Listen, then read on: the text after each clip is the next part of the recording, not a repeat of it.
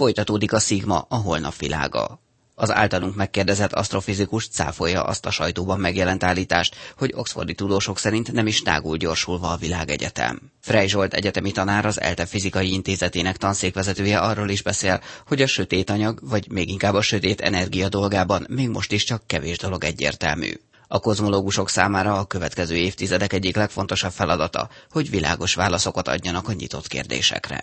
Azt elég régen tudjuk, hogy az az anyag, ami világít és fényes az univerzumban, a csillagok fénye, az nem magyarázza meg az összes tömeget, amiről egyébként tudjuk, hogy ott van. Ha ránézek egy olyan galaxisra, mint amilyen a tejútrendszer és a mi saját galaxisunk, mondjuk az Andromédára, ami a legközelebbi nagy galaxis, akkor abban látok ezer milliárd csillagot fényleni, összeolvadva egy ilyen forgó spirálkarokkal teli tányér mentén. Viszont ha megnézem, hogy körülötte a galaxis szélén milyen sebességgel keringenek a csillagok, akkor Newton törvényei alapján ki tudom számolni, hogy mennyi anyagmennyiség kell legyen ebben a galaxisban és megállapítjuk, hogy tízszer annyi anyagmennyiség van a galaxisban, mint amennyit látok a világító csillagokban. Ezért mondjuk, hogy egy ilyen tipikus galaxisban az anyag 90%-a hiányzik, ezt nevezzük sötét anyagnak, mert hogy nem világít. Miért láthatatlan? Hát ezt természetesen nem tudjuk. A részeske fizikusok, illetve az asztrofizikusok különböző elgondolások mentén próbálják kitalálni, hogy milyen anyag lehet,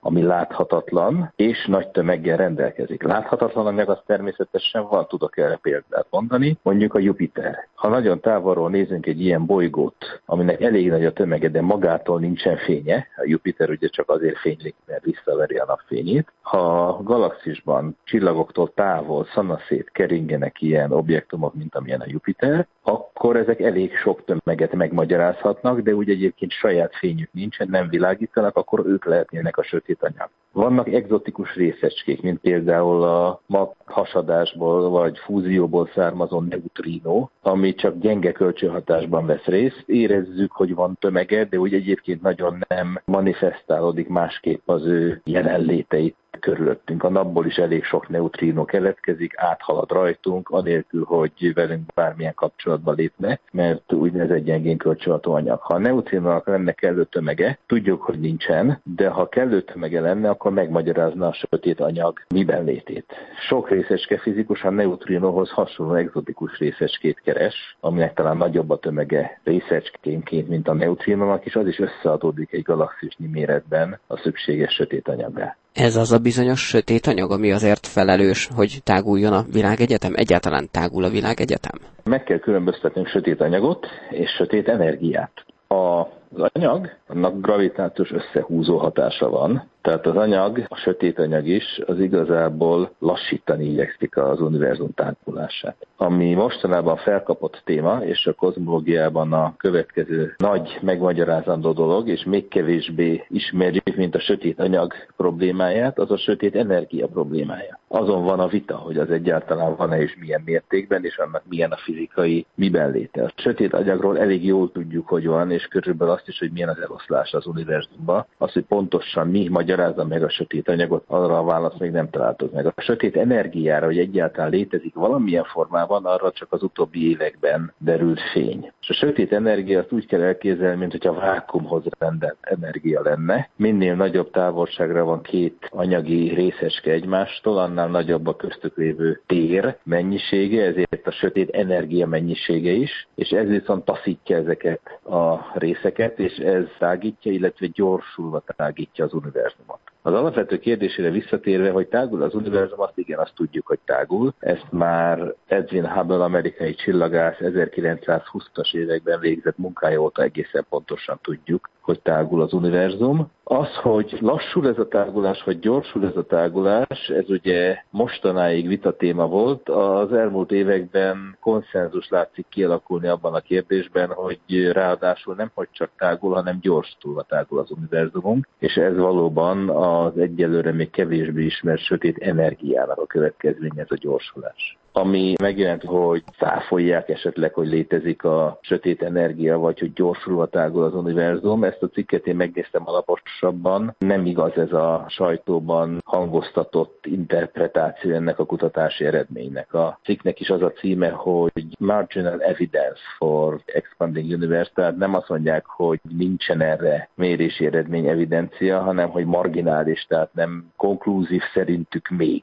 mások szerint konklúzív, szerintük egy kicsit gyenge ez az evidencia még, de azt mindenképpen látjuk, hogy tágul és hogy gyorsulva tágul az univerzum. Az igazi kérdés az az, hogy tíz év múlva milyen égtérképező projektek lesznek, amik annyira pontosan tudnak univerzum szerkezete térképezni, hogy annak a statisztikai leírásából a fizikai állapot egyenlete mondjuk megállapítható a sötét energiának. Ez egy érdekes kérdés, és ez legalább egy évtizedre előre feladatot ad nekünk. Merre folytatódhatnak most a kutatások? Mi lehet a következő feladat? Továbbra is keressük egyrészt a sötét anyagot, tehát részecske fizikusok és asztrofizikusok is próbálnak megfelelő ötletekkel előjönni és azt kísérletileg tesztelni, illetve nagyon fontos, hogy megértsük a fizikáját a sötét energiának, ezért egyre nagyobb asztrofizikai megfigyelő projektek készülnek, ahol az univerzum szerkezetének a pontosabb feltérképezéséből megpróbáljuk megállapítani, hogy fizikailag hogyan viselkedik a sötét energia, illetve pályára pályára fognak állni föld körül olyan űrszondák, amik ezt a kísérletet egészen precízen próbálják majd elvégezni, és megpróbálnak a sötét energia fizikai miben létére jobban rávilágítani.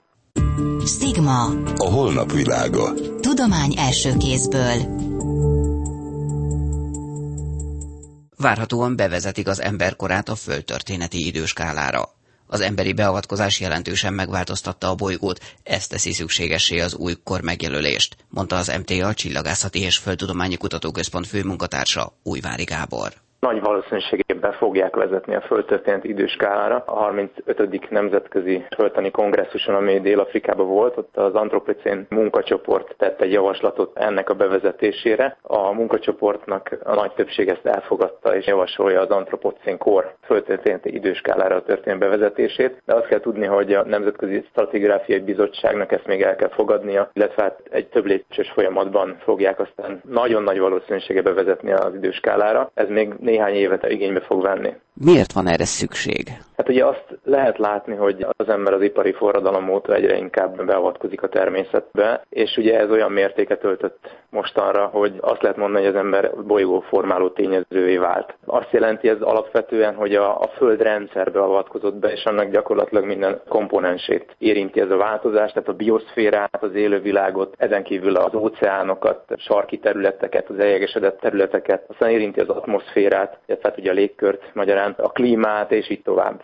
Tehát rengeteg olyan hatást gyakorol az ember a természetre, amelyek már messze meghaladják azt a mértéket, ahogy a szituáció alakult volna gyakorlatilag egy természetes folyamat révén. Ennek a termékei alapvetően, ha gondolunk csak akár a plastikra, vagy a nukleáris robbantásoknak a kiullott izotópjaira, mind-mind megjelennek az üledékekben. És hát is a bevezetésnek egy alapvető kritériuma az az, hogy a kőzetekben rétegtani szempontból nyomozhatóak legyenek ezek a változások, és ezek kimutathatóak legyenek a kőzetrétegben rétegekben. Ön ugye az ipari forradalmat említette, a legújabb földtörténeti kor kezdete 1950 lehet a tudósok megállapodása alapján. Ugyanakkor az ember a bolygót már nagyon-nagyon régóta formálja, gondolhatunk itt akár a növénytermesztésre, az állattartásra, egyáltalán az építkezésekre.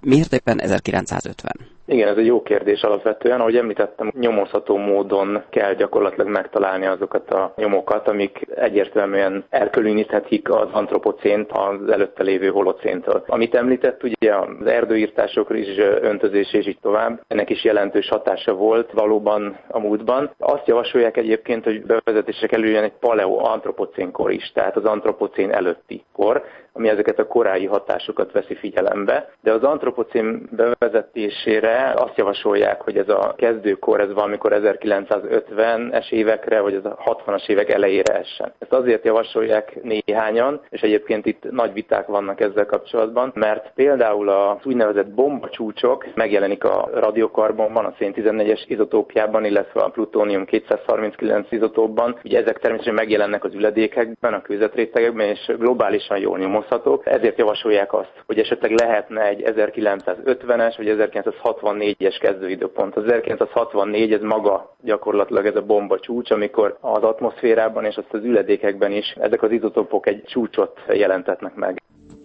Műsorunkat teljes terjedelmében meghallgathatják az inforádió.hu és az mta.hu oldalon. A szerkesztő Lendvai Szabolcs nevében is búcsúzik a műsorvezető Domanics András. Gondolkodjunk együtt egy hét múlva ugyanitt, ugyanekkor.